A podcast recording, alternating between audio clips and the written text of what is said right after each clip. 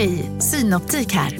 Livet med glasögon ska vara bekymmersfritt. Därför får du 30% på alla glasögon när du väljer Synoptik All Inclusive. All service ingår alltid. Välkommen till Synoptik. Som medlem hos Circle K är livet längs vägen extra bra. Just nu får du som ansluter dig 50 öre rabatt per liter på de tre första tankningarna och halva priset på en valfri biltvätt. Och ju mer du tankar, desto bättre rabatter får du. Välkommen till Circle K. Redo för sportlovets bästa deal? Ta med familjen och njut av en Big Mac, McFeast eller Cooper Cheese och Company plus en valfri Happy Meal för bara 100 kronor. Happy Sportlovs deal, bara på McDonalds.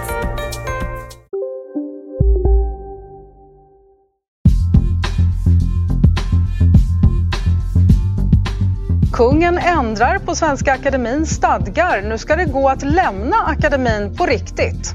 Det är en budget för ett starkare Sverige där vi både ser till att ha ordning och reda i statsfinanserna och på så sätt rusta oss för sämre tider samtidigt som vi gör offensiva satsningar som ska märkas för vanligt folk runt om i hela landet. En ny opinionsmätning från Novus visar att en klar majoritet av svenska folket vill förbjuda tiggeri.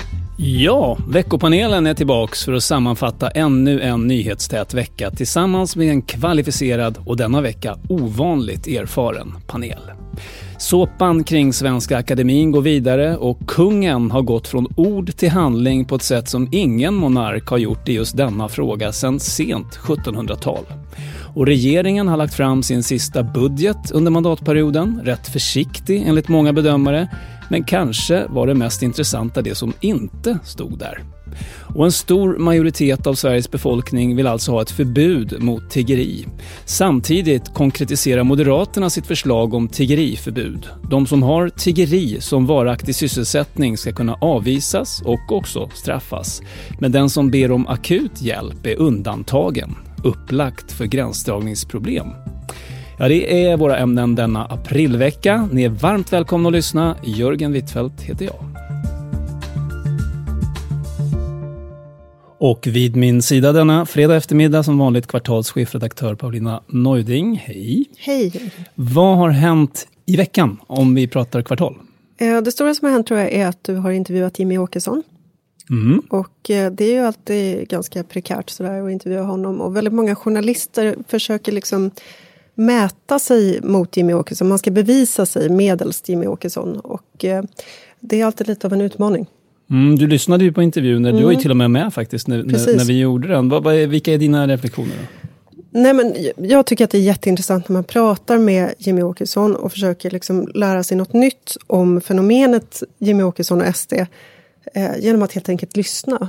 Ehm, och du och jag vi satt ju innan och läste en artikel i The Spectator där Fraser Nelson som är chefredaktör möter Anthony Scaramucci, han som under en väldigt kort tid var informationschef för Vita huset. Och vi, vi slogs just av det här att genom att vara genuint intresserad och inte genom, utan att liksom försöka mäta sig mot den här eh, förhatliga figuren. Eh, som, man då, som jag utgår ifrån att han tycker att eh, Scaramucci är. Så får han reda på någonting. Han får reda på någonting nytt och som läsare får man veta någonting nytt. Och jag menar, det här är ett globalt fenomen, de här antietablissemangsrörelserna. Och media har varit ganska dåliga på att ta reda på vad det är frågan om. Och vad fick vi reda på eh, med den metoden, om det nu var den som jag använde? Ehm, vi, en väldigt intressant sak som Jimmy också pratar om var det här med återvändande bidrag. Vi har ju återvändande bidrag idag som är väldigt begränsat. Du har koll på siffrorna? Ja, 30 000 tror jag man kan få maximalt om, som ensam person och 75 000 eh, Mm. för en familj, ungefär. Och där säger Jimmy Åkesson till dig att eh, han tycker att man ska kunna få en livsinkomst om man lämnar landet frivilligt. Och det är ju ett nytt bud. Verkligen. Eh, innan vi lämnar detta, vi hade också en text av Magnus Henriksson som lades upp Mm. i, i to, under torsdagen. Eh, Den fick rätt mycket positiv uppmärksamhet tyckte jag. Vad, vad handlar den om, skulle du säga? Ja, Magnus Henriksson är professor i nationalekonomi. Han sitter i vårt redaktionsråd. Och han skriver om att den svenska skolan har då en postmodern kunskapssyn. Och den menar han underminerar meritokratin. Och me- meritokratin i sig är den, eh, ett skydd mot eh, nepotism och korruption. Vad menar vi när vi säger, eller vad menar han när han säger meritokrati? Ja, alltså att man eh, får utmärka sig på grundval av begåvning och flit. Snarare än? Snarare än, ja precis, vad är alternativet? Alternativet är att du utmärker dig genom den familj du kommer ifrån, eller din bakgrund, eller vem du känner. Alltså, meritokratin börjar i skolan och den är omöjlig att förena med en postmodern syn på kunskap. Några lästips och eh, lyssningstips från kvartal.se eh, fick vi med där då. Eh, men därmed, låt oss introducera veckans panel som består av Inga-Britt Alenius, tidigare undergeneralsekreterare för FNs internrevision, bland mycket, mycket annat. Lars Ohly, tidigare partiledare i Vänsterpartiet och mycket annat också för den delen. Och Sven-Otto Littorin, tidigare partisekreterare och statsråd i den moderatledda regeringen. Ni är varmt välkomna alla tre. Tack så mycket. Tack. Tack. Hur har er vecka varit? Ja, vem ska börja? Ja, vem som helst av er. Är det någon som har haft en särskilt god vecka? Du har gett ut en bok precis. Ja, det, det är alldeles nyligen en bok som heter Möten. Som är, eh, den kommer inte sälja så bra för det är inget skvaller och det är inte något elakt utan det är en snäll bok. Men jag, den är, jag hade väldigt kul när jag skrev den. Inga-Britt, din vecka? Ja, jag har haft en skön, skön vecka i min trädgård. Med att uh, förbereda för sommaren, den långa vackra sommaren i Sverige. Och Lars, du har varit på Djurgården, tyckte jag att vi pratade om. På en fotbollsmatch på mm. Tele2. Det har jag varit. Sen har jag också varit på Folksams stämma och se till så att det folkrörelseägda försäkringsbolaget fortsätter att sköta sina åtaganden. Det låter som ni har haft en, en spännande och eh, flitig eh, vecka. Innan vi går in på dagens ämnen kan vi väl ändå uppmärksamma att Sverige har storfrämmande. Det märktes för övrigt när jag kom hit till eh, kontoret här igår, för någon av dem måste ha bott här på hotellet precis bredvid. Det var ett enormt säkerhetspådrag. Och det är alltså FNs säkerhetsråd som håller möte för första gången, vad jag förstår, utanför USA. Och det här mötet ska då hållas eh, på Dag Hammarskjölds eh, gård i Backåkra i Skåne. Han var aldrig där, men han eh, han köpa in den innan han mötte sitt öde. Och det här säger väl någonting om den speciella relationen tänker jag, mellan FN och, och, och Sverige. Inga-Britt, du som har FN-bakgrund, finns det något land i världen som har en större kärlek till denna utskällda organisation? Möjligen inte, men eh, kanske någon, något av våra nordiska grannländer har lika stark kärlek till organisationen. Men jag skulle vilja säga också att eh, organisationen har en väldigt stark kärlek fortfarande till Sverige. Och i, i FN-huset i New York så finns ju ett stort porträtt förstås av Dag Hammarskjöld, men också en byst av, av Folke Bernadotte. Mm. Två eh, FN-svenskar som har eh, mördats i, i tjänsten helt enkelt. Om det nu var mord vad gäller Dag Hammarskjöld, det är ju inte helt utrett. Lars Ohly, hur hedrande tycker du att det är för Sverige att de, eh, F-säkerhetsrådet väljer att hålla ett möte här? Jo, men det tycker jag nog att det är ganska hedrande. Och framförallt så är FN med alla sina brister det bästa vi har. Ska vi lösa globala konflikter så kan vi inte överlåta det åt att länder tar hand om dem själva utifrån sin styrka militärt, politiskt eller ekonomiskt. Utan då måste vi försöka hitta regler som, som ser till att de här länderna inte kan göra exakt det de själva skulle vilja. Och i den miljön där i Skåne kanske de blir lite mer vänligt inställda till varandra, vem vet? Det är ju högt tonläge. Man hoppas ju det, därför att tonläget just nu är oerhört oroande. Även om jag inte tror att det kommer leda till något krig mellan de eh, viktigaste staterna så, så är ett högt tonläge alltid en risk. Och dessutom så finns det ju något labila personer med fingret på knappen på olika håll. Så att det är viktigt att försöka tona ner det här. Eh, Sven-Otto Littorin, det här med att Sverige som neutral fredsmäklare, det har väl i mångt och mycket varit ett vänsterprojekt egentligen. Eh, mer än ett högerprojekt. Varför? Möjligen därför att det har varit eh, vänsterregeringar alldeles för länge. Mm. Så jag, jag, tror inte att det är så, så bekymmersamt ur någon slags svensk inrikespolitisk hantering. Jag, jag tycker tvärtom att det är väl alldeles utmärkt att säkerhetsrådet sätter sig ner och talar med varandra. Det är bättre än all annan aktivitet man kan tänka sig att man håller på med. Och det är väl som sagt eh, faktiskt en fjäder i hatten att man är här eh, för första gången utanför eh, New York. Och, och det, någonstans kan jag nog tänka mig, det är ändå människor vi pratar om. Och det är klart att man är påverkad, det vet ju vi som har varit med på olika möten och olika eh, saker och ting. Att det, det, det, betyder någonting ändå att man är i en trevlig miljö och att man har liksom lite andrum att tänka på lite andra saker och ta det lite easy. Jag håller med faktiskt Lars att det, det kan behövas givet eh, omständigheterna. Det är svårare att stå inför en person och peta honom i magen och kalla honom Rocketman, som Trump kallade Kim Jong-Un, eh, när man står face to face, antar jag. Ja, alltså, absolut är det så. Och det är klart att eh, liksom, varje tid har ju sina konflikter och sina bekymmer som man har att hantera. Och någonstans, eh, kaffe är inte dumt. Alltså mm. kafferast, eh, lite eh, eh, sån här grässtrån mellan tårna, alltså lite så. Det löser inga världskonflikter, men det betyder ändå någonting att man sitter ner och pratar. Ja, Swedish man... fika alltså. Ja. Det spekuleras ju här Fel. kring att Stockholm, eller Sverige åtminstone, kan bli scenen för det här toppmötet mellan USA och Nordkorea. Vore det, vore det bra, Lars? Det är inte så viktigt var det äger rum tycker jag. Eh, det viktiga är att, att det äger rum, för jag tror att det skulle vara bra. Just för att tona ner den här konflikten som ju ett tag i vintras såg väldigt allvarlig ut. Och det viktigaste där är naturligtvis att få Nordkorea att förmås eh, avrusta sina kärnvapen. Det måste ju vara det första och viktigaste steget som man ska kunna få dem att ta. Men för att de ska kunna göra det så krävs det väl också att de får någon form av respekt från USA eller från omvärlden. Och det kanske kan åstadkommas vid ett sådant möte. Vi får se om det blir ett Stockholm Treaty snart dags att eh, ta oss an det första ämnet, men innan dess vill jag då fråga er alla tre, med början hos dig Inga-Britt. Vem är veckans person och varför? Veckans person för mig är fortfarande Benny Fredriksson eftersom Stadsteaterns styrelse nu hukar bakom eh, uppståndelsen kring eh, Sveriges, eh, Svenska Akademin.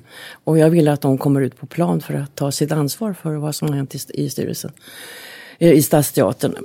Eh, men jag vill också lägga till Sara Danius som min veckas person. Inte för att jag vill diskutera hennes ledarskap, men jag menar att hon framstår ändå som den person som har velat ta en fight eller en diskussion om eh, den här rapporten som finns om, om eh, den så kallade kulturprofilens härjningar i, i kulturområdet. Den så kallade advokatrapporten som den heter. Sven-Otto Littorin, eh, vem är veckans person och varför? Kungen, eh, tycker jag faktiskt. Den är lite tafflig eh, monark. Är det Gustav den tredje nu? Nej, det är den nuvarande som ju faktiskt nästa vecka firar att eh, han då har suttit längst på tronen i 44 år och 237 dagar eller vad det är som, eh, eh, liksom när det har rasat som värst i den här akadem, akademikonflikten, är ju liksom den enda som har agerat någon slags vuxen i rummet och helt plötsligt eh, ha, hittat en arena där han faktiskt kan tycka något och ställa sig upp och göra det. Och säga att nu tar jag befälet över de här stadgarna, nu ska vi se till att det blir ordning på det.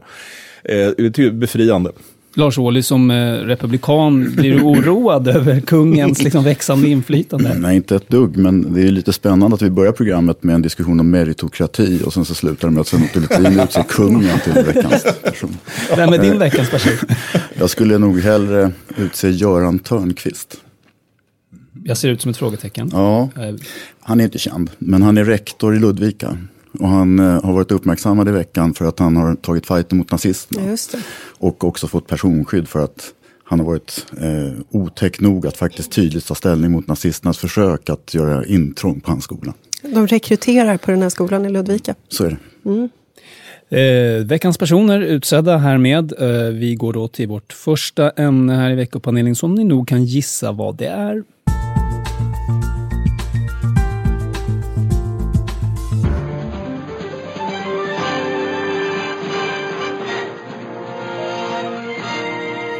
Ja, såpan kring den svenska akademin bara fortsätter.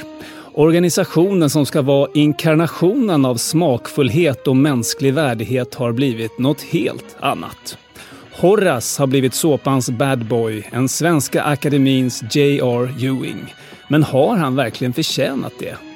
Och Sara Danius har blivit hjälten som lämnade imperiet med rak rygg och fick en hel nation, till och med kulturministern, att posera på sociala medier iförd signaturplagget knytblusen för att visa sitt stöd. Och i kulisserna finns vapendragaren Sara Stridsberg som stod där vid Danius sida på Börshusets trappa likt den ständigt rättrådiga Pamela Ewing, för er som minns intrigerna i såpornas såpa Dallas. Och som om det inte vore nog finns också en Sue Ellen-karaktär i detta drama. För vad kan man annars kalla Kristina Lugn som hanterade journalisterna så här förra veckan?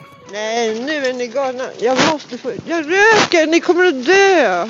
Ja, eh, men även om man kan raljera eh, över detta och skoja om det så finns det ju något allvarligt i botten.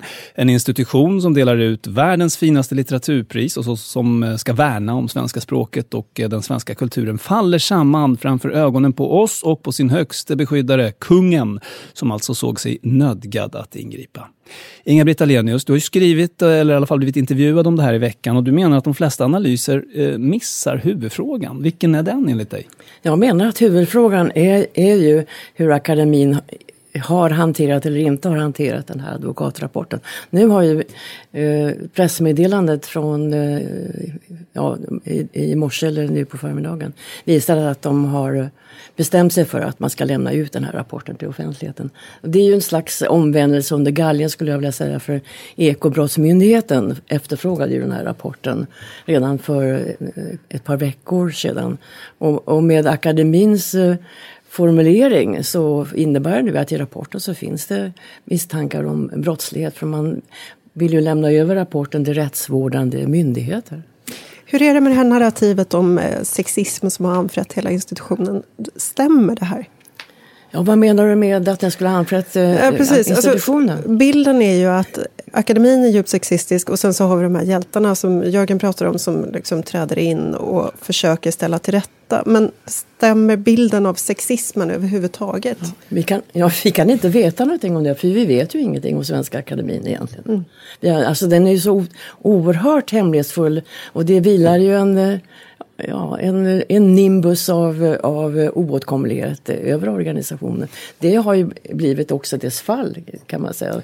Därför att eh, kritiken är väldigt stark mot, mot deras eh, hemlighetsfullhet och eh, deras eh, främlingskap för en, en modern tid och dess tänkande.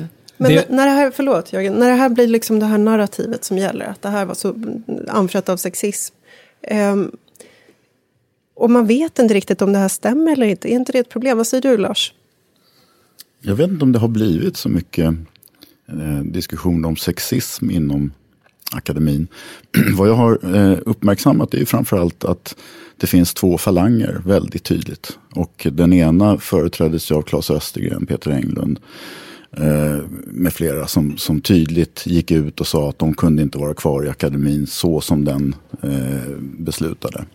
Och de stod ju på Sara Daniels sida väldigt tydligt. Och om hon blev avsatt eller om hon tvingades att själv fatta beslutet att avgå, det spelar väl inte någon större roll. Det fanns en majoritet som inte ville ha henne kvar av de som var kvar i akademin vid det tillfället. Eh, däremot så måste jag säga att Horras eh, inlägg i Expressen måste vara ett av de sämsta debattinlägg som Expressen har publicerat. Det är, det Där var, han skriver att Sara Danius Det var den sämsta äh, ständiga sekreteraren sedan 1786. Mm.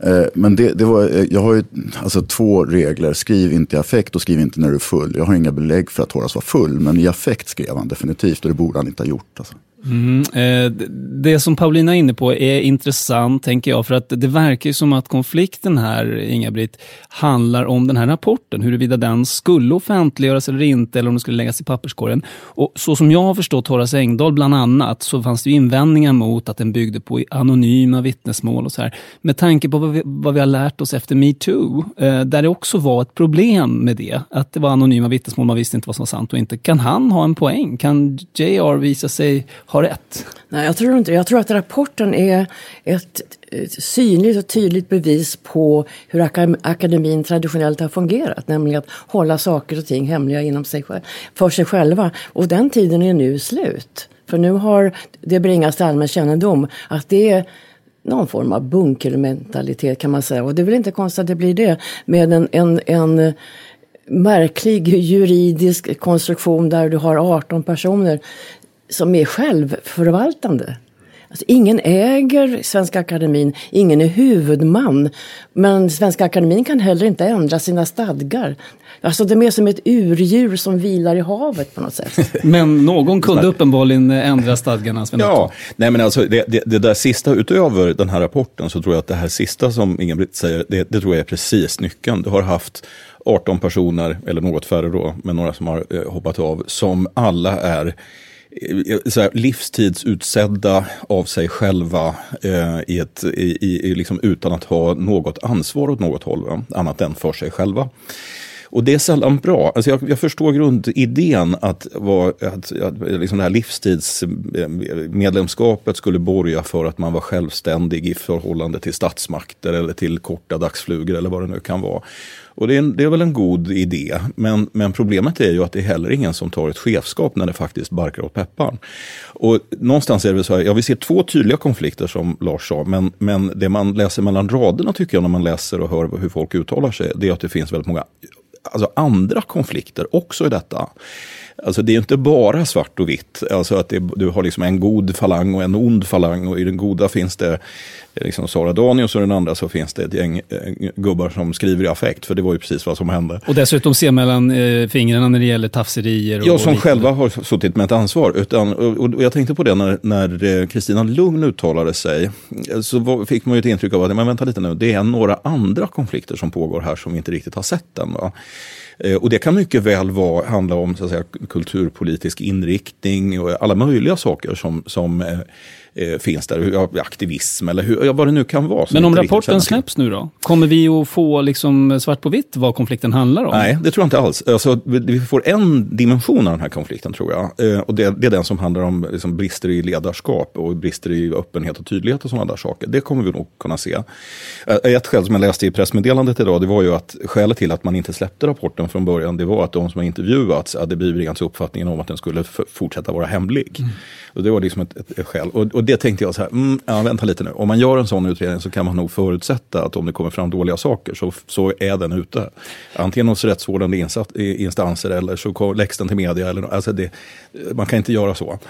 Eh, så det var väl lite falska förespeglingar. Inga-Britt, eh, en eh, konservativt lagd person skulle ju säga att det här systemet har ju ändå funkat sedan 1700-talet. Så, så varför funkar det inte nu då? Den har ju uppenbarligen inte funkat. Inte helt, men utan, bättre än nu. Utan, vi, har, vi ser ju the tipping point, alltså plötsligt händer någonting som är följden av en, en, en, en successiv, successiv fjärmande från en modern miljö. Men, men den akuta konflikten och de akuta frågorna är ju lösta genom att kungen har ingripit och gjort eh, akademin beslutsmässig i vissa centrala frågor. Men vad som återstår är att se hur ska akademin kunna fungera i lång, långsiktigt? Och då menar jag att då måste man eh, fundera på akademins eget ledarskap. Och jag tror att eh, då måste man finna en person i, i akademin själv, någon bland de aderton, som blir den här sekreteraren. Men sekreteraren måste genom, genom stadgeförändring ges en ledarskapsroll.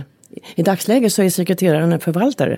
Han eller hon skriver protokoll, svarar för arkiv och representerar eh, akademin. Men man behöver någon som har auktoritet i stadgarna för att leda den här en verksamheten. En annan fundering bara som jag har Sanotto, jag ser att du vill in, men, men det är ju, eh, det är ju en, ett drev detta eh, ändå, mot akademin får man säga. Eh, ni har kanske alla tre erfarenheter av olika drevsituationer. Förstår du vad du menar? Ja, alltså jag, jag uppfattar i alla fall att journalisterna driver på, eh, de, de ser inte som sin roll att beskriva vad som händer, utan de driver en stenhård agenda. Eh, I alla fall flera av de här kulturreporterna. Är det ett problem att de verkar så övertygade om vad som är rätt? Ja, jag har mycket att säga. Eh, jo, det, det är det, därför det är klart att det blir väldigt lätt en beskrivning just som det här narrativet som, som eh, vi har innan. Alltså det blir, det blir väldigt svart och vitt.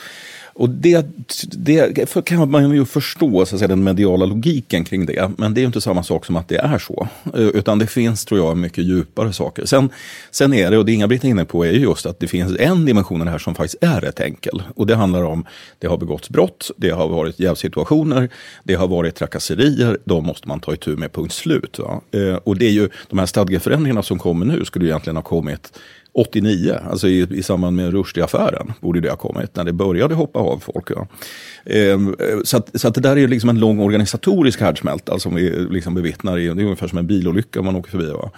Ehm, men, men det finns ju andra dimensioner i detta eh, som, som inte fångas upp i det snabba drevet. Men, mm. men jag tror att det kommer nu. Det, nu. Nu kommer de här lite mer fördjupande diskussionerna. Lars, vad säger, vad säger, du om, eh, det, det är ändå en form av medialt drev, får man ju säga. Det kan ju stämma för all del, men så är det väl, eller? Jo, jag gillar ju att, att, tycka saker och jag gillar ju att ha bra grund för att tycka saker och det har jag inte i det här fallet. Och det har nästan ingen, utom de möjligtvis som suttit med vid bordet och de är rätt få. Eh, och då får jag lita på vad de, några av dem som, som har varit med säger utåt. Och, och där kan jag ju tydligt känna att jag har mer sympatier för vissa än för andra och sådär. Men jag vet inte riktigt och det är lite jobbigt och då tycker jag att det egentligen så är det Inga-Britt som lyfter den viktigaste frågan och det är ju den om öppenhet. Om att den här institutionen har i sina former överlevt sig själv. Den måste öppna sig mot omvärlden för att kunna återta förtroende. Och då måste vi få veta mer om vad som pågår. Och jag är helt övertygad om att Sven-Otto har rätt i att det finns mycket fler konflikter än de som, som jag beskrev och som, som beskrivs medialt just nu. Och det finns också personkonflikter ja. som jag tror inte kan lösas. För det, det skiner ju igenom i vissa uttalanden. Från, Rätt tydligt. Ja, man, att de här personerna gillar inte varandra. Men tappar den inte sin nimbus som Inga-Britt var inne på om man gör den till nästan som ett statligt verk med offentlighetsprincip? Alltså, jag, jag, är inte säker på att det behövs en offentlighetsprincip som statliga myndigheter eh, ska uppfylla. Men däremot så behövs det en större öppenhet som akademin själva måste inse att de är beroende av för att kunna återta något av det förtroende som de nu faktiskt har förlorat. De har inte bara förlorat mitt förtroende, jag tror att bland svenska folket så ligger de väldigt lågt i ranking just nu. Mm. Det är ingen här inne som har haft eh, knytblus på sig på sociala medier? Alltså jag tycker det där med män som tar på sig knytblus, det tangerar löjet tycker jag. Eh, däremot så tycker jag att kvinnor som gör det i någon sorts solidaritet med Sara Danius har jag full, full respekt för. Mm. Men eh, när jag såg han, vem var det av ministrarna? Mikael Damberg. Mikael Damberg, det såg väl lite larvigt ut tycker jag. Han kan väl istället i ord uttrycka den sympati han har för Sara Danius och, för, och, och, och var arg på akademin och sådär. Men, men i övrigt tycker jag att det var lite, men, men att kvinnor gör det för att visa, att göra det till en symbol, det tycker jag var ganska häftigt. Men är liksom Alice Bah Kuhnke i första hand kvinna eller kulturminister? Det var en fundering som många fick när hon eh, poserade med detta plagg. Ja, fast det där tycker jag är lite larvigt därför att hon är politiker. Och politiker ska inte vara diplomater. Utan jag, jag vill ha konflikt i politiken. Jag vill att man ska säga och tycka saker. Och det tycker jag att hon gjorde och det var väl bra. Men hon är statsråd och tycker jag det ställer särskilda krav. Alltså jag tycker att, det, att man kan ha synpunkter på om ett, enskild, om ett statsråd som ju besitter, eh, sitter på en unik maktposition tar ställning för en enskild person, en enskild medborgare. Så du är tveksam till det där tilltaget? Ja, jag, jag, alltså, jag, är, jag är tveksam generellt till att ett statsråd tar, tar ställning för eller emot en enskild medborgare. Det tycker jag inte man kan göra. Nej, jag håller helt med om det. Jag, jag tycker att det var rätt dåligt omdöme. Eh, alltså, men, så här, just eftersom vi inte vet vilka konflikter som finns och bakom eh, så, så kan inte en ansvarig statsråd för just det området ta ställning i en, i en sån fråga. Jag, jag, tycker inte det är rimligt. Men tänk om hon vet? Då? Ja, Eller fast, vet mer än vad vi gör. Fast då har ju hon ett ansvar att informera om, om det i så fall. Man kan ju inte anklaga akademin för att vara sluten om, man inte, om, om inte de som faktiskt vet någonting runt omkring också då bidrar till klarhet i vad som Men nu tycker jag att ni ställer väldigt stora krav på att kunna manifestera som till exempel de tusentals kvinnor och män gjorde igår. Eh, för att man ska vara väldigt väl insatt om exakt men, vad som har skett. Vad som hände det var ju en manifestation i solidaritet med att en konflikt som bygger på en man som har betett sig onekligen väldigt illa har lett till att två kvinnor har fått gå. Och att det är resultatet just nu. Det är ju det som är den stora Fast frågan. vi vet man... ju inte om de två kvinnorna har fått gå just av det skälet eller något annat skäl. Och det är ju hela poängen. Va? Jo, det tror jag vi kan säga. Men då är vi tillbaka i sexismen alltså? Mm. alltså jag, jag, säger inte att det är sexistisk eh, tradition som har lett till det. Däremot så säger jag att det finns eh, helt uppenbart en konflikthantering som leder till att den kvinna som var ansvarig för, för ledarskapet i akademin fick gå och den kvinna som var gift med mannen som har betett sig illa har fått lämna timeout. Och ingen man har hittills behövt ta några konsekvenser. Det här ämnet eh, hade räckt för en hel panel, eh, tror jag. Men eh, det har ju hänt annat i Sverige också. Vi fortsätter och nästa ämne handlar om politik i dess renaste form.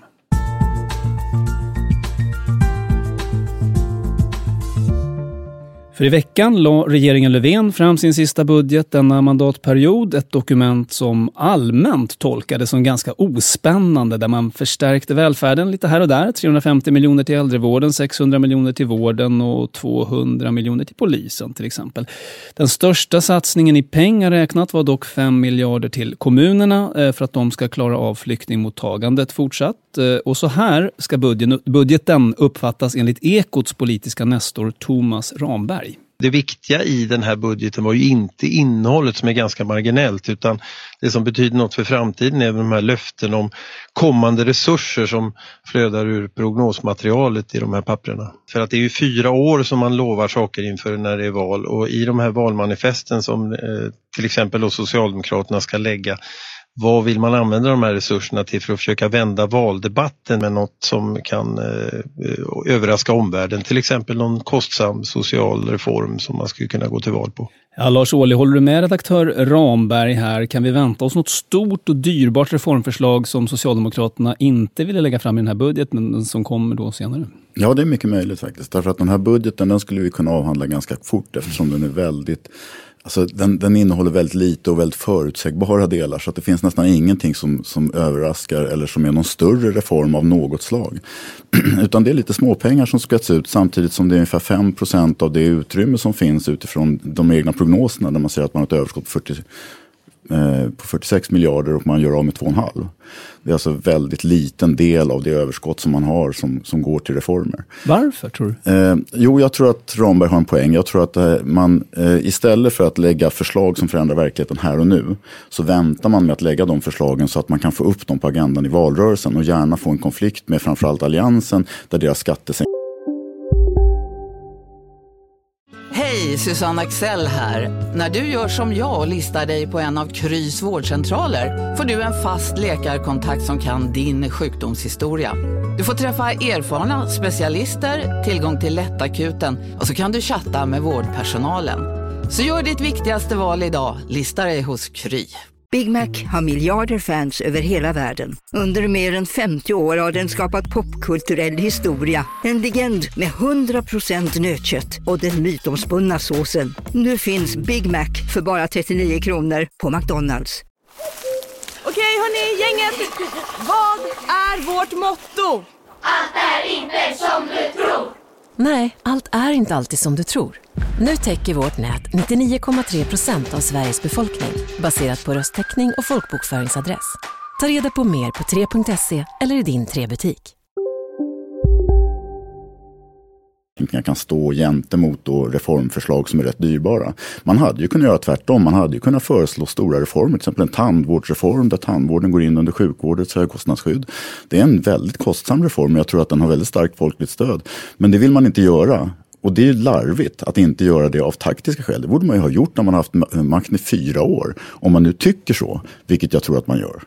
Men eh, nu tolkade jag dig som att du både tycker att det skulle kunna vara en tandvårdsreform och det kanske borde vara en tandvårdsreform som ett exempel på någonting de kunde ha gjort då. Eh, men är det inte smart av dem att vänta så som valrörelselogiken ser ut? Ja, jag är så trött på dessa smarta taktiska politiker som hela tiden tänker sig nästa val, nästa val, jag ska bli omvald, vi ska få så mycket röster som möjligt, vi ska sitta kvar. Socialdemokratin har blivit ett parti som för vilka makten är det absolut överordnade målet. Och för andra partier så har nog de också förflyttats i den riktningen. Alltså jag ser inte något parti som helt liksom skiljer ut sig från mängden, men Socialdemokraterna är nog det tydligaste exemplet på det. Och då känner jag så här, blev jag politiskt aktiv någon gång för att, för att komma till makten oavsett innehåll? Nej. Alltså, någon gång så har alla som är politiskt aktiva brunnit för någonting, velat förändra någonting. Känt starkt för att göra någonting åt någonting som man tycker är orättvist eller felaktigt i samhället. Då är inte maktinnehavet det viktigaste, utan det måste kunna kombineras med att man kan genomföra de förändringar som man står för. Kan, Då blir kan, kan det inte vara att förhindra den andra sidan att få makten? Det kan väl vara själva målet med Men verksamheten? Men gud så passivt och, och demoraliserande ja. för de egna medlemmarna att säga att vi är ett bättre alternativ än det sämre alternativet. Alltså några visioner och några idéer måste man ju ha om, om hur ens egen politik ska leda någonting. När vi hade det här rödgröna samarbetet 2010 i valrörelsen då, så hade vi ett förslag om att vad, vad är, är det stora problemet i samhället? Och där förde jag fram att det är ojämlikheten och de ökade klasskillnaderna som är väldigt tydliga och som, som dessutom har förvärrats sedan 2010. Det är någonting som verkligen politiken borde göra någonting åt. Att vi faktiskt har skriande fattigdom bredvid en enorm rikedom i samhället idag. Eh, hur skulle man kunna göra det? Ja, till exempel genom att göra en mycket bättre låginkomstutredning som den som Per Holmberg stod för på 60-talet. En, eh, verkligen granska, analysera och försöka komma med förslag på hur man ska kunna åtgärda det här. Men det var omöjligt därför att det var ett förslag som, som motståndarna lätt skulle kunna såga. Och det tyckte både Miljöpartiet och Socialdemokraterna. Därför ville man inte vara med om något sånt. Va? Och det, det där, då, då blev jag så trött på, för att egentligen tyckte de nog att ojämlikheten var ett stort problem. Men nej, men prata inte så mycket om det. Därför att det, det, vi har inte någon bra lösning och vi, kan inte, vi klarar inte diskussionen. Klarar man inte diskussionen så finns det bara två alternativ. Antingen kan man för lite eller så har man fel. Och i det här fallet så tycker jag att de kunde för lite. Eh, Sven-Otto Littorin, om du utgår från dina moderata ögon, vad, vad tycker du saknas i, i den här budgeten? Ja, men jag, jag, jag håller med, med Lars här. Alltså. Jag, jag, alltså det fattas Lite oroväckande glöd. ofta. Eller hur? Va? Visst är det jobbigt? Nej, men alltså, det, fattas, det fattas glöd, det fattas en idé, det fattas en riktning. Och det gör det av flera skäl naturligtvis. Och det, det första är att det här är ju en tilläggsbudget, så att det är liksom inte en ordinarie budget. Och då, det får man, kan man möjligen ha respekt för. Men sen tror jag det är precis som Lars säger, att man förbereder sig naturligtvis för att ha ett rejält reformutrymme där man kommer säga, med start i Almedalen och framåt, så kommer man säga att det här ska in om vi vinner valet i höstbudgeten. Förslagen det, kommer hagla då menar du? Ja, det tror jag absolut att det kommer göra. Det är liksom en klassisk partistrategisk sätt att göra det på. Problemet med det är ju mångfaldigt. Alltså dels att, att det är andefattigt. Har man en åsikt, kämpar man för någonting och brinner för någonting så måste man ju berätta det. Och dessutom så är det väl så att det, det, det som jag tycker har kännetecknat den här mandatperioden, eh, förutom eh, problemen i mitt eget parti, så har det ju varit eh, ganska tröttsamt, om jag ska vara ärlig. Alltså det har inte funnits en idé, ingen plan, ingen, ingen liksom riktning över vad man vill, utan det har kommit lite där och lite där. Och, och sådär. Och i den här nu kompletteringsbudgeten så är de här fem miljarderna som är den största posten, ja vad det handlar de är ju inte, det är inte fem nya miljarder, utan det är att Migrationsverket ska betala de skulder till kommunerna som redan finns. Och att presentera det som en stor liksom, reformnyhet, det är lite, lite ursligt kan jag tycka. Så att någonstans är det väl så att, att och ska man grunda inför valrörelsen i att presentera om man har en sån plan inför nästa mandatperiod, då räcker det inte med fyra, sex veckor på slutet. Eh, då har man ingen, det hinner man inte bygga någon trovärdighet i, utan då måste man liksom ha en, en ordentlig... Jag menar, när, när vi höll på 2002 till 2006 och byggde Alliansen och gjorde om Moderaterna, så tog det tog ju fyra år. Alltså det var ju först i slutet, på våren 2006, som vi började se opinionssiffrorna pila uppåt. Eh, och, och, så allt det där kräver trovärdighet som tar tid. Så det går inte att komma i, i Almedalen och tro att man kan köpa väljarnas röster. Det går inte väljarna på tror jag. Men vad tror du att det har för betydelse för trovärdigheten för allianspartierna? Att man nu återigen efter en budget går ut och pratar om hur skadlig den är för landet på olika sätt. Att vi, det här det, kommer det leda till arbetslöshet, det kommer leda till sämre miljö, liksom allt möjligt. Och sen så den naturliga frågan från väljarna är ju varför stoppar ni det inte då? Om det är skadligt för landet? Jo, det är naturligtvis det jättestora eh, problemet. Eh, och, och, sanningen är väl att man vet inte riktigt hur man ska göra. Det är nog fler än eh, allianspartierna som har liksom svårt att förhålla sig till det faktum att vi har tre block i politiken och vilket måste innebära någonstans att två måste samarbeta mot det tredje. Och man har inte hittat lösningen på det. Dö var, decemberöverenskommelsen var ett försök till lösning som ju var konstitutionellt, strategiskt, taktiskt och, och filosofiskt alldeles galet. Så att man, man har inte hittat rätt till det där. Och det gör att, att då liera sig och fälla i budget med eh, stöd av Sverigedemokraterna, då försätter man sig i en sits där man också förbinder sig att på något sätt lösa vad som händer efteråt med hjälp av dem. Och det tror jag inte man ska göra. Det tycker jag vore en dum idé. Av väldigt många skäl. Vi kan ju, om vi bara för en stund bortser ifrån så att säga, hela det integrations och migrationspolitiska dimensionen av det. Så man måste ju veta vad man ska samarbeta kring i så fall och samarbeta kring att, att eh, säga nej till NATO, gå ur EU, eh, protektionism och vad det nu kan vara. Det har jag jättesvårt att se att det skulle vara någon bra framgång. Inga-Britt Ahlenius, du har ju faktiskt varit budgetchef på Finansen en gång, visserligen ganska länge sedan nu, men, men kan du ändå säga någonting eller minnas någonting om hur det var att förbereda ett sånt här dokument? Hur tänker politikerna? Liksom? Ja, det var jättelänge sedan. Men, eh, men jag håller, för att, snarare håller jag med Lars Ohly, i, också jag håller med Lars Ohly i, i vad du sa mm. inledningsvis.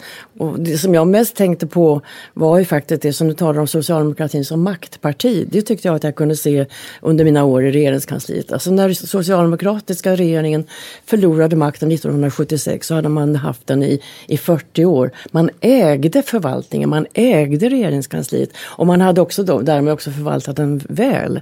Men jag menar också att det här långvariga maktinnehavet har också eh, påverkat och givit brist på dynamik i det politiska arbetet generellt. Alltså, Som fortfarande en, gäller? Alltså. Jag menar att det fortfarande gäller. Det finns en rädsla tror jag hos allianspartierna och, och, och, och oppositionen för den här socialdemokratin. Och socialdemokratin äger ju fortfarande, alltså det, det tycker jag man kan ana att man fortfarande har ett företräde till makten på ett sätt som, som är unikt och som jag tror går tillbaka på det här långvariga makt, eh, maktinnehavet. Lars, det, jag, ja, jag, jag, jag, får bara lägga till en sak där, för det var en av de saker vi strategiskt bestämde oss för efter 2002. Det var att sluta förhålla oss till sossarna hela tiden. Eh, och när vi gjorde det så uppnådde vi två saker. Dels lite större självförtroende, för det var en viktig parameter, jag håller med om det. Och det andra var att vi gjorde sossarna skitförbannade, därför att de tycker det är jättejobbigt när man struntar i dem. Lars Ohly, eh, om man ska ändå försöka utläsa ur det här dokumentet och kanske debatten kring det, vad kommer bli konflikten mellan höger och vänster i den här valrörelsen? Jag tycker själv att det är ganska svårt att, att se den. Jo, och det hänger ihop med det jag sa förut, att eh, framförallt socialdemokratin är så upptagen av sin föreställning om vikten av att behålla makt.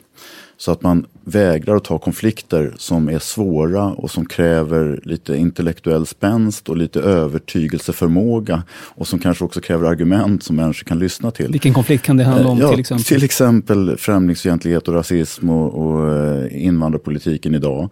Där socialdemokratin väldigt tydligt har gått i en riktning bort från det jag skulle kalla klassiska socialdemokratiska värderingar in och närmat sig SD och SDs politik på område efter område.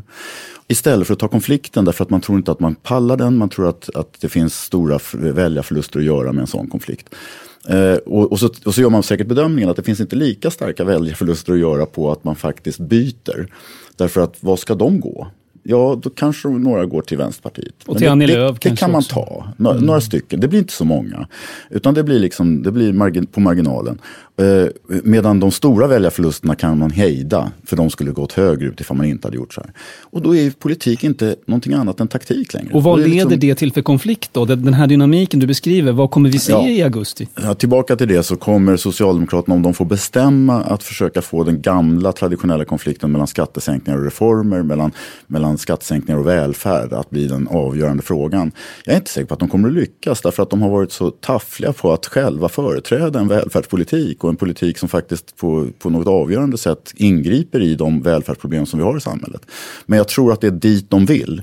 Eh, men jag är tyvärr ganska uppgiven när det gäller eh, att vi får en allt mer konfliktfri politik, eh, vilket jag verkligen avskyr. Jag, jag, jag är ju glad varje gång Annie Lööf uttalar sig med skärpa om flyktingpolitiken bara för att vi faktiskt därmed har en företrädare som säger ifrån och som inte liksom gnäggar med resten av, av hästarna i stallet.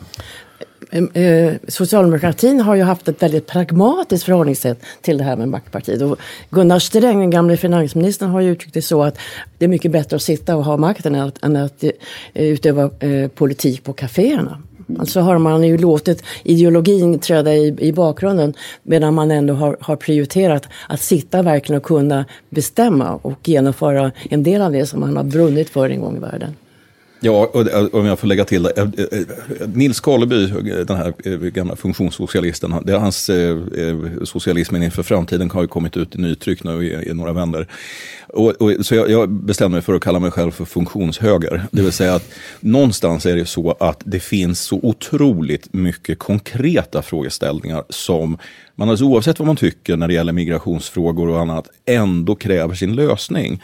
Allt ifrån eh, bostadsbrist till eh, eh liksom köer i vården och allt vad det nu kan vara. Och någonstans så kan jag tycka att senaste mandatperioden, jag är rätt glad att jag inte är politiskt aktiv längre av det skälet att jag tycker det har blivit så otroligt mycket positionering. Eh, och, och liksom rädsla att säga fel saker och säga rätt saker och, och, och liksom alla möjliga. Och vems fel är det då? Ja, jag vet inte. De politiska partierna, det är ett nytt landskap för dem, så de har lite svårt att navigera i det. Eh, och sen är det klart att det finns ju en alltså, Twitter-samtalstonen, va? alltså det är korta puckar eh, där allting, du, liksom hela din karriär kan ödeläggas om du skriver liksom fel mening eller fel ord i de där 144 tecknen. Och vad det nu kan vara. Det finns liksom en rädsla. Eh, och sen eh, det finns det ett skäl till tycker jag, det är om man tittar på eh, ålderssammansättningen på riksdagsgrupper och partiledningar. Blir allt yngre, folk hoppar av tidigare. Och det är ju faktiskt en liten risk med det och det är att man får oerfarna personer som inte kan förankra saker eh, och inte riktigt vet hur liksom, att det, det faktiskt krävs lite sittfläsk ibland, då, om man ska vara helt ärlig. Till sist, innan vi lämnar det här ämnet. Eh, ibland får jag känslan av, inte minst när jag hörde dig nu, att Sverige behöver liksom a new deal. Alltså någonting riktigt stort, eh, där någon politiker träder fram och är supervisionär. Men går det så som medialogik och annat ser ut? Det är tveksamt om det går, men, men jag såg med visst intresse Jan Schermans tv-serie om demokratins kris. Och på ett, i ett avsnitt så tog han bland annat upp de här eh, proffsanställda som inte är valda och som har ett oerhört stort inflytande, pressekreterare och andra som, som faktiskt bestämmer rätt mycket i eh, politiken idag. Och jag, jag har ju själv varit i den rollen att jag har haft medarbetare som har haft till uppgift att styla mig, att tala om vad jag ska ha på mig för kläder och vad jag ska säga och vad jag inte får säga. Och sånt där. Jag hatade det. Och, och, jag var nog ganska dålig på att följa deras råd också, vilket ju gav dem gråa hår i förtid. Men det, det är liksom, eh, och jag tror att de har fått lite stort inflytande. De är nämligen inte valbara. De står inte på valsedeln och det finns inte någon väljare som kan välja bort dem heller. Men du kan, om du är missnöjd ja, med dem. Ja, och, och det, det är det där att där vågar man inte ta konflikten utan då har professionaliseringen av pressarbete och kommunikationsarbete blivit så viktig så att politikens innehåll kommer i bakgrunden. Mm. Och det tycker jag, det, jag tror inte att Jan Scherman hade rätt i alla delar men där tror jag han hade en poäng. Mycket och tankar från er allihop. Eh, vi skulle kunna fortsätta med det här ämnet också eh, jättelänge till men det gör vi inte för vi ska ha ett ämne till. Eh, en fråga som av och till har dominerat den politiska debatten det senaste decenniet men där förvånansvärt lite har förändrats. Kommer det möjligen att hända nu?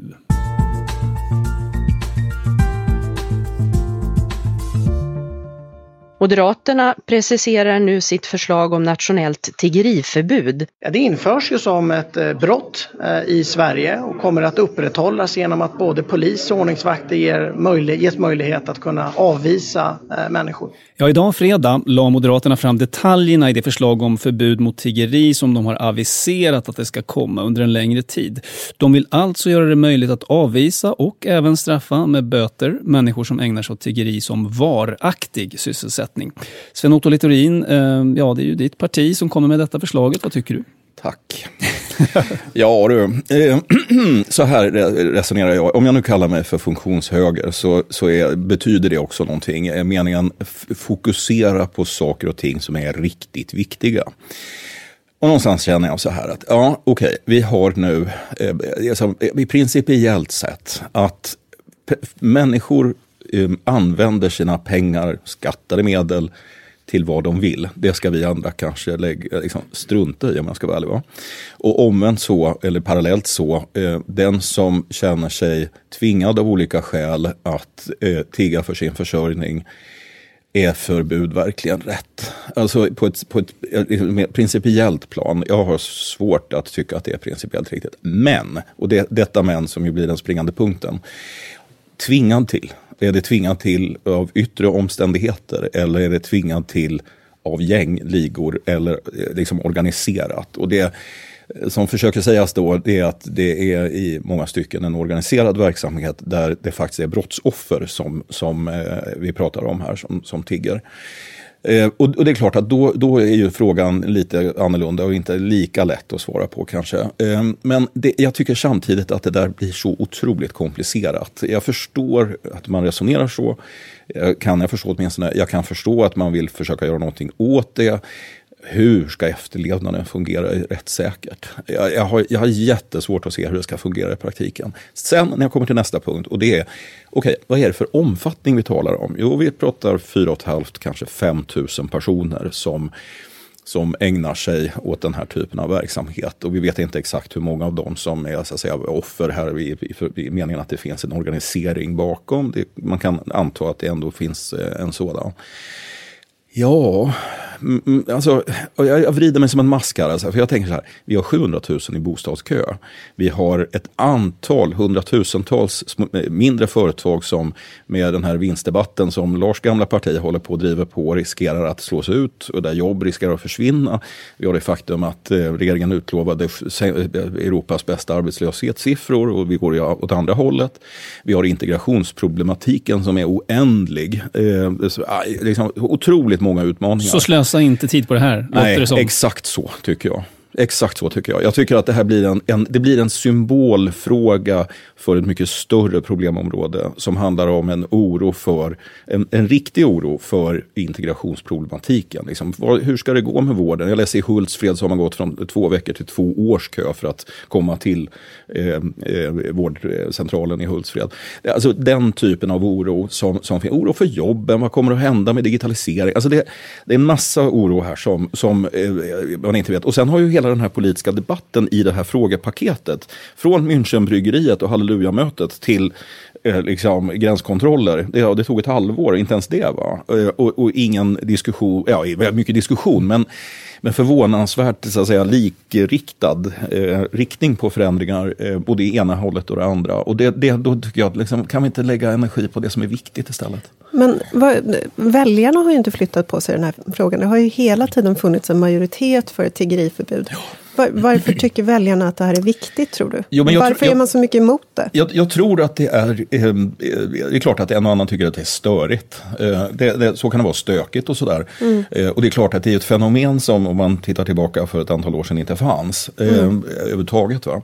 Eh, så det är väl en dimension. Men den andra är tror jag att just att det här blir symbolen för, för en, en mycket bredare eh, så att säga, oro för integrationsmisslyckandet. Men om man det tänker lite, om man anlägger liksom ett lite mer konservativt perspektiv här och säger att det finns en broken windows problematik. Mm. Alltså du får en typ av förslumning, en form av eh, ja, eh, stämning i det offentliga rummet som gör att människor känner sig otrygga och som, som driver på andra negativa förändringar i samma riktning.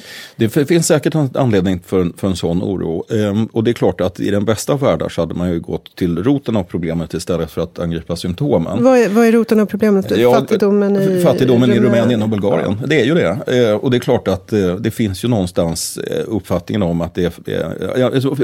Så här, de här personerna hade förmodligen inte åkt hit om man inte hade trott att det hade varit bättre än att vara kvar där man är. Alltså lite så.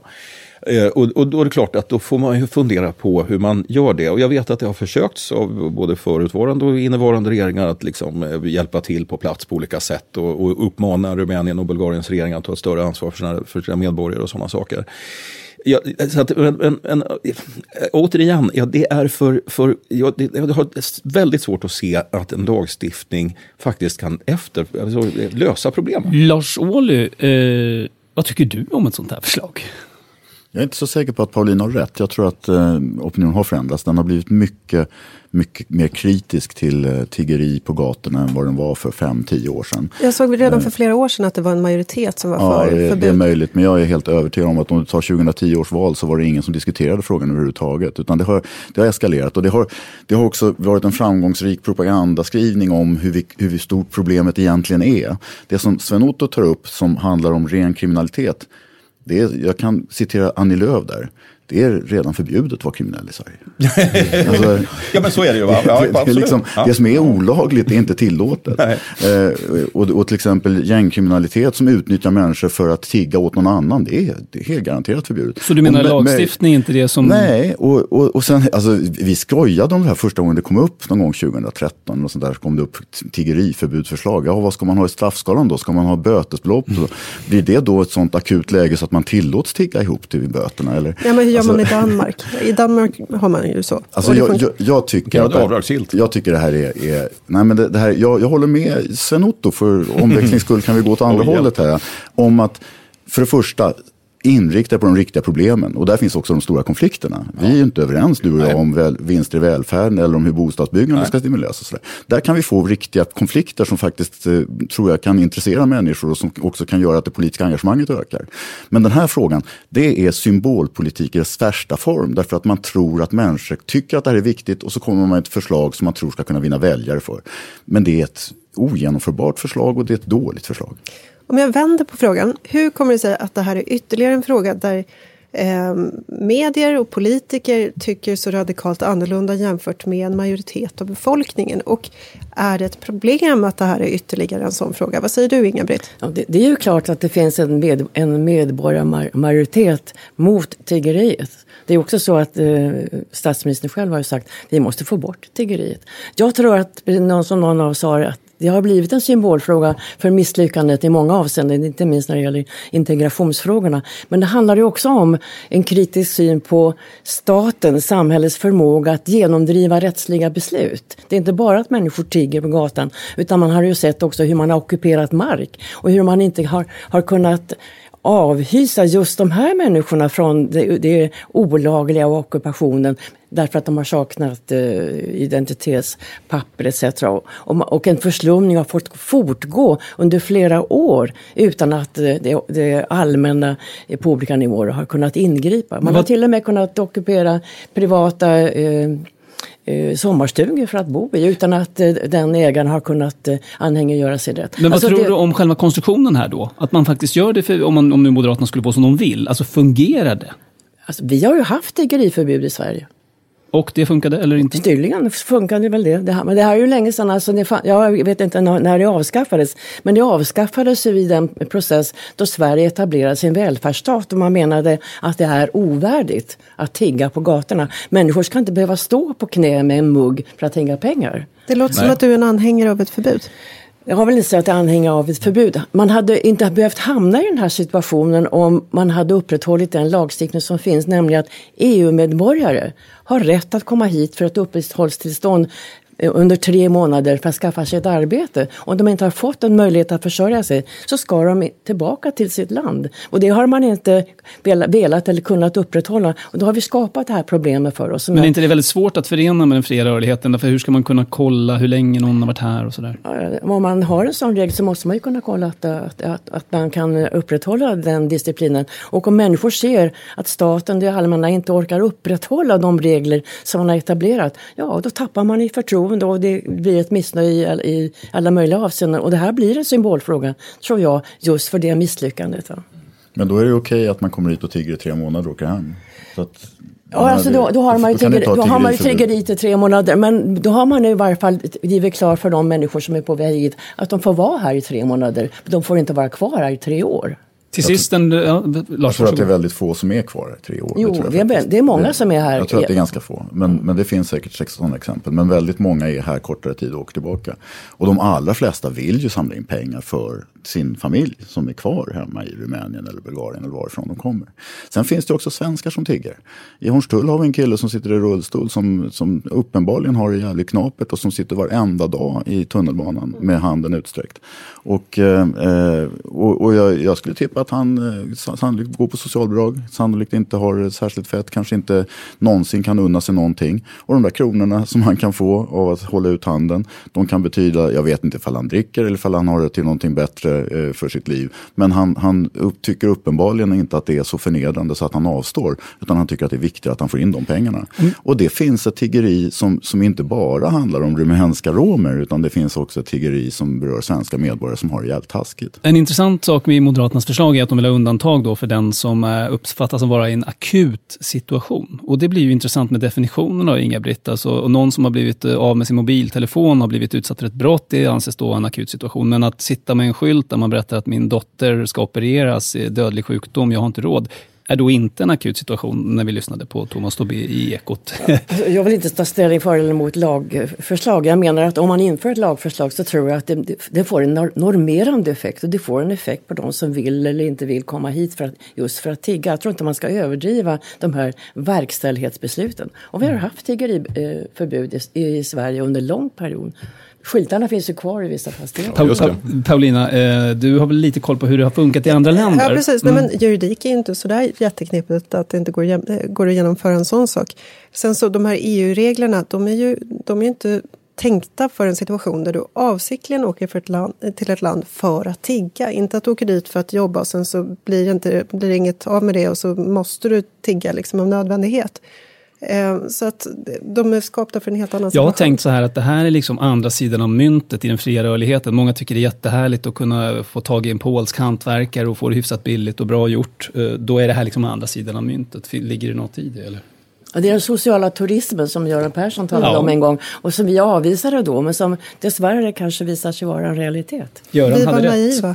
Som det brukar heta. Vi var naiva som det brukar heta. Ja, fast man, ska inte, man ska inte överdriva där också. Vi gjorde, kommer jag ihåg, eh, precis 2006-2007 så gjorde vi en, en eh, genomlysning på mitt område då hur många, så det var ju tal om övergångsregler för, eh, vilka länder var det, Bulgarien och eh, ytterligare något, tror jag. Var det Rumänien? Kanske Mm, det var. jag tror det. Ehm, Och eh, vid det tillfället så tittade vi hur många det var som kom ifrån något annat EU-land för att nyttja våra system inom mitt område. Vi hittade sju individer vid det tillfället. Sju, jag kunde nästan namnge dem allihopa. va. Så, eh, på det sättet, så vid, vid början här var det inte inget, inget jättebekymmer. Men det är klart att eh, det blir ju, det blir, när det är en, en union där du har fri rörlighet med väldigt stora inkomstskillnader. Så är det klart att det, då får man en del sådana här effekter. Jag kan hålla med eh, Ingrid att den, Inga-Britt, att den eh, främsta skälet för en lagstiftning, det är preventionen. Det är alltså att man markerar att det här är, vi tycker inte att det här är okej. Det är normerande alltså. Normerande. För att jag, det, för, samtidigt är det ju som också Lars säger, nu håller jag med all, hela panelen, jättetråkigt program. Det, det finns ju rätt mycket lagstiftning som redan kan användas. Så att, eh, på det sättet, men det är ytterligare ett sätt då att markera att det här tycker inte vi är okej. Det är inte värdigt i det här landet. Och det, kan man, det är naturligtvis en åsikt man kan, man kan ha. Och sen får man, fund- det kan jag hålla med om. Och sen får man fundera på vilka verktyg som fungerar bäst. Förbudshögern alltså. Det, Nej, men jag tycker ändå man alltså, Preventionshögern. det, det, det är en fråga om fria rörligheten. Jag, är, jag var ju, hörde ju till de som röstade nej i folkomröstningen 94 till medlemskap. Och, så där. och jag är inte någon varm anhängare av EU. Men jag brukar alltid framhäva den fria rörligheten som det mest progressiva som EU-medlemskapet har medfört. Det är fantastiskt. Dels därför att våra medborgare här uppe kan faktiskt åka och studera, jobba, leva någon annanstans. Men också för att andra människor får möjlighet att komma till Sverige. Det måste vi försvara. Det får aldrig bli så att vi inskränker den fria rörlighetens princip för människor medan vi behåller den för kapital och varor och tjänster. Säger Lars Ohly, sist i veckopanelen denna vecka. Jag säger ett stort och varmt tack till Inga-Britt Ahlenius, tidigare undergeneralsekreterare för FNs internrevision, bland mycket, mycket annat som jag brukar presentera dig. Lars Ohly, tidigare partiledare för Vänsterpartiet. Sven-Otto Littorin, tidigare partisekreterare och statsråd i den moderatledda regeringen Reinfeldt. Vi på Kvartal önskar er, kära publik, en härlig helg. Ut och njut av solen nu när den äntligen är här och värmen. En stor man sa en gång att tänka fritt är stort, att tänka rätt är större. Men frågan är om det allra största inte är att tänka själv. Tänk på det. Hej då!